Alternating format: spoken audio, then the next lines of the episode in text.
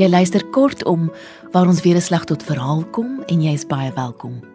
Ons gaan vanaand luister na 'n kort verhaal deur Bibi Slippers getiteld Skoon.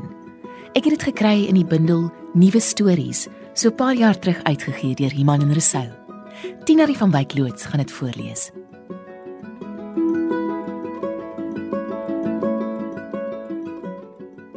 Die Rowley Hughes mat se seegrasvesels verkry van meerjarige plante wat slegs in soutwatermoerasse groei, krap haar wang, maar sy kan nie haar kop oplig nie. Haar nek pyn op plekke waarvan sy nog nooit voorheen bewus was nie. Sy kreun toe haar oë oopsluiter en die kamer stadig in fokus trek. Daar is stofpartikels wat in die mikrowindbewegings bo die mat rondrits en 3 sekondes lank is dit 'n gewone dag. Dis die gewone oggendlig wat deur die venster val en sy beleef haar oggendoomblik. Dis moontlik die enigste sagte oomblik van die dag en dis belangrik om stil te wees, om net te kyk. Maar dan begin die wekker raas. 7:45 Die klank van windklokke, krieke en kabbelende water wat haar elke dag wakker maak, is vandag 'n onwelkome gedruis wat dreig om haar rugpyn en hoofpyn te verander. Sy volg een van die strepe lig wat oor die vloer val met haar blik en fokus met moeite op die punt van die poskaart wat onder haar arm uitsteek. Die een met die twee vet agurtjies voorop. Nog verder, op die veselrige horison van haar plat perspektief, wieg 'n vreemde skaduwee teen die kamermuur. Op gewone dae laat die oggendlig haar aan haar baba daar dink. Dis nie iets wat sy werklik kan onthou nie, maar sy het foto's van haar babakamer wat vir herinneringe instaan. Al wat hier kort is 'n wasige kantgordyn wat liggies in die wind roer en miskien 'n effense sepia filter. Maar haar smaak laat tans nie sulke vergrype toe nie. En dis in elk geval nie die tipe ding wat deesdae tydskrifte verkoop nie. Vandag is daar egter die skaduwee teen haar kamermuur wat dinge interessant maak. Sy strek haar arm uit en voel voel vir die selfoon. Met haar kop nog op die mat, neem sy 'n foto van die vervlegte lig en skadu teen die muur, 'n kompleks van lyne en patrone om deur die lens te verken. Wanneer sy seker is dat sy die toonaard van die oggend vasgevang het, rol sy om en kyk in die spieël. Sy lyk soos 'n uitgespoelde op die duur organiese mat in die middel van die vloer. Agter haar hang die nuwe bed aan sy veselrige toue van die dakbalke af. Dis 'n pragtige objek met die handgeweef van riete en gras, geïnspireer deur die neste van brilwewers. Maar dis gods onmoontlik om op die ding geslaap te kry. Dit is 5 dae terug by haar huis afgelewer, 'n geskenk van die ontwerper wat haar wou bedank vir die inspirasie agter sy meesterstuk. Sy was die een wat die tendens voorspel het. 'n Beweging weg van die bonkigheid en soliditeit wat ontwerp die afgelope jare gekenmerk het. 'n Ontwikkeling wat die vloeibaarheid van denke in die inligtingsera sou weerspieël in kombinasie met die terugkeer na die natuur. Sy het toe reeds 'n voorgevoel gehad dat sy die voorspelling sou berou en nou weet sy dit in haar rug en nekspiere. In die oorgefluisterde weergawe van haar lewe die een wat die rondes doen onder die wat in die loop is, begin sy haar dag met yoga en videokuns. Volgens gerugte sit sy in die lotusposisie met haar blik stip op die muur gerig, waar herhalende beelde heeldag draai. Extreme close-ups van melk wat deur 'n trechter loop, fish-eye skote van besige strate in Amerikaanse metropole, bleek meisies met swart omlynde oë wat in slow motion wieg en uitdrukkingloos na die kamera staar. Dis alles strooi, die stories, maar sy swyg wanneer sy daaroor uitgevra word. Sy dra stilte soos 'n winterjas. Die enigma van Ed Swiggers is goed vir besigheid. Maar vanoggend kom sy tog na aan iets soos yoga. Sy improviseer semi-spastiese strekoefeninge voor die spieël om haar rug te rehabiliteer na nog 'n ongemaklike nag op die mat. Eers toe sy van naby in die spieël kyk, besef sy dat sy vinnige plan sal moet maak met die bed. Die kringe onder haar oë is nog 'n skakering donkerder as gisteroggend. Windsor en Newton se purple lake oor 'n onderlaag van steengroef grys. Dis die pers van 'n vars kneusplek iets uit die palet van Debra Poynton. Sy neem 'n naby skoot van een donker kring sodat net die kleur sigbaar is. Met haar gesig byna teen die spieël, merk sy die fyn afdruk van die mat op haar vel.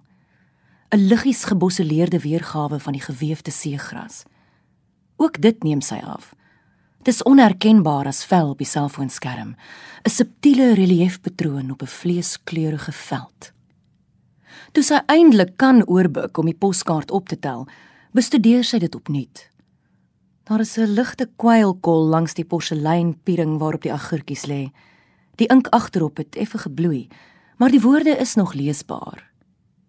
You promised to write.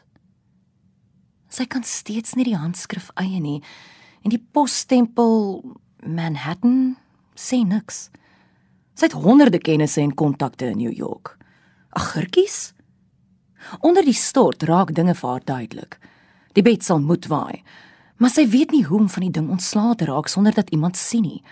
As mense moet uitvind dat sy dit uitgegooi het, sal dit die einde wees van die arme jong ontwerper se loopbaan. En sy is nie een vir daardie tipe verwoesting nie. Die estetika van verderf, ja, dit het sy plek. Dit hoort tuis op die reuse doeke van Anselm Keffer, werke wat vir miljoene verkoop en stelselmatig aan die vergaan is waar hulle in museums en gallerye hang. Sy hou nogal van daardie installasie waar die vlee op die feesmaal kom saamdrom wat stadig staan en vrot. Maar om persoonlik verantwoordelik te wees vir iemand se ondergang is nie haar styl nie. Dis een van die minder plesierige byvoordele van haar status as styl-ikoon en een van min dinge wat sy nooit sou kon voorsien het nie. In haar kamer tel sy weer die poskaart op. Het sy werklik beloof dat sy sou skryf? Toe sy die tydskrif 7 jaar gelede oorgeneem het, was haar enigste doel om dit van ondergang te red. Sy die verval van geskrewe kommunikasie van ver af reeds sien kom en daarom weggedoen met alle teks. Soos al die beste idees, het sy hierdie een ook gesteel. Vernuftig gelig uit die bladsye van Don DeLillo se boek oor 'n rockster met 'n midlife crisis. Sy het die tydskrif se naam met 'n enkele ikoon vervang en 'n redakteursbrief geskep uit 'n bricolage van beelde. Elke bladsy het 'n een eenvoudige visie van die toekoms voorgehou. Sy het visuele strome geskep wat getye laat draai het en die tydskrif uit sy eie midlife crisis voortgedryf tot aan die voorpunt van die ontwerperswêreld. Sedertdien is sy die suidelike halfrond se edelkoort, 'n orakel van styl en kenner van die algebra van smaak. Die uitverkore een wat die waarde van die veranderlike mode tendens konstant reg kan uitwerk. Sy trek een van haar standaard grys broekpakke aan. Sy het nog altyd gedink dat die naam Ed goed pas by hierdie androgene uitrusting. So 'n no-nonsense naam. Nes die klassieke uniform wat al jare lank onaangeraak is deur die kom en gaan van modes en giere. Haar naam is eintlik Edna, na Edna St Vincent Millay. Maar sy was nog nooit gemaklik met die naderdraai van daai na nie. Daarom hou sy dit by Ed. Wat ry met bed? Soos in you've made your bed if only you were able to sleep in it.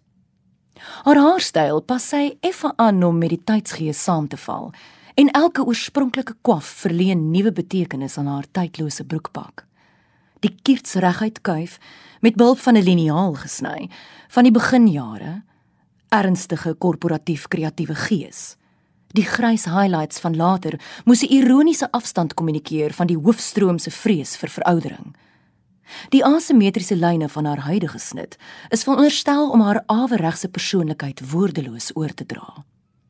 Maar vandag lyk haar hare gewoon deurmekaar, die onpretensieuse bedhead van iemand wat baie sleg slaap. Sy besluit om saam met die vloei te gaan. By die ry eenderse posbusse wat op aandag staan voor die fabriek wat in 6 superbuiderwetse woonstelle omskep is, ontmoet sy haar onberispelik bure en knik vir hulle, haar weergawe van 'n beleefde groet. Sou al afwykende oë aandui dat hulle nie weet wat om te maak van haar deurmekaar hare nie, of is dit haar reputasie wat hulle afskrik? Hulle skuifel ongemaklik in die rigting van hulle voordeur en lyk verlig toe sy in die posbus begin rondkrap. Dis vol gemorspos en sy gooi alles in die asblik. Maar vis weer Checker se baba extravaganza biljet uit. Die blaadjie vol blinkwang babas druk sy saam met die agurtjie poskaart in haar handsak en begin stap. Op pad kantoor toe neem sy vier fotos van seevoëls wat op straatligte sit en kom tot insig oor die bed. Sy weet presies wat sy gaan doen en hoe. Die verligting is so groot dat sy byna uitgerus voel. Sy oorweeg dit om te glimlag, maar bedink haar. Sy neem 'n foto van 'n platgedrukte koukblikkie teen 'n agtergrond van teer. So herkenbaar die ontwerp dat nie eens 'n wrede einde dit kan onteien nie. Sy het seker beloof om te skryf, maar sy weet nie vir wie nie.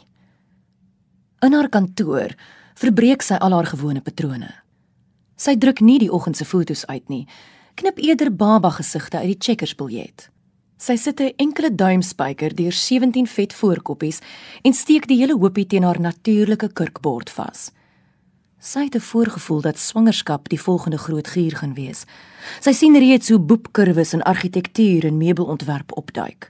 Sy sal haar mark daarop voorberei met 'n fokus op eiers, barok geïnspireerde afbeeldings van eiergeregte, marmer eiers met granaat en komynsous, knol swam en kaviaar eiers met swart bessies en bronsvinkel, eiers en agurkies. Dis die eerste maal in jare dat sy werklik honger voel. Nie in die by vir haar gewone Melba toast en melk nie, maar lus vir regte kos. Tog Daar is iets anders wat sy eers moet doen. Sy gaan haar heiligdom binne. Die instap aansteekbord waarteen 7 jaar se piktorale inspirasie soos veelkleurige mos aan die mure klou. Die fotos wat die tendense vir ekstra lang serpe en binneshuise tuine aangevuur het. Die voorsketse vir Inga Sempe se vapeur lights en die teksture van Iman se reeks tekstiele vir die huis afbeeldings van swewende draaitrappe en selfs haar gunsteling fotos van voelneste. Dit alles trek sy af totdat sy 'n vierkantige stuk van die wit muur ontbloot het. Sy steek die poskaart in die middel van die vierkant vas, stewig, met 'n duimspyker in elke hoek. Sy staar lank daarna, neem al die detail in, die kleur, die komposisie, die manier waarop die kurwes van die agurkies in die elektriese lig glim. Sy haal die dopie van 'n fyn swart koutjie af. Ruik die skerp chemiese reuk van die ink terwyl haar hand 'n entjie van die wit muur afhuiwer. Eers trek sy stadig die buitelyn van haar spoegkol op die poskaart na. En dan begin sy skryf. Sy vorm versigtig aan die eerste letters, ryg dan 'n string van hulle aan mekaar om 'n enkele woord te spel.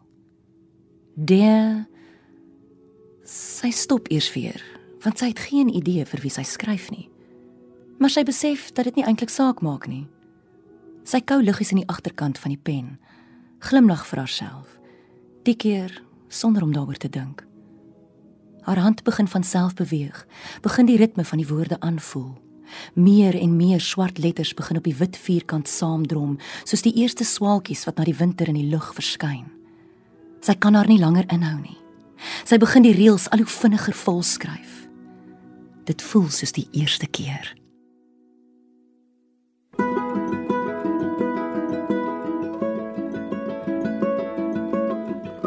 Dit was dan die verhaal Skoon deur Bibi Slippers. Tinerie van Wyk Loots het dit voorgeles. 'n Heerlike aand vir jou. Tot volgende Dinsdag. Totsiens.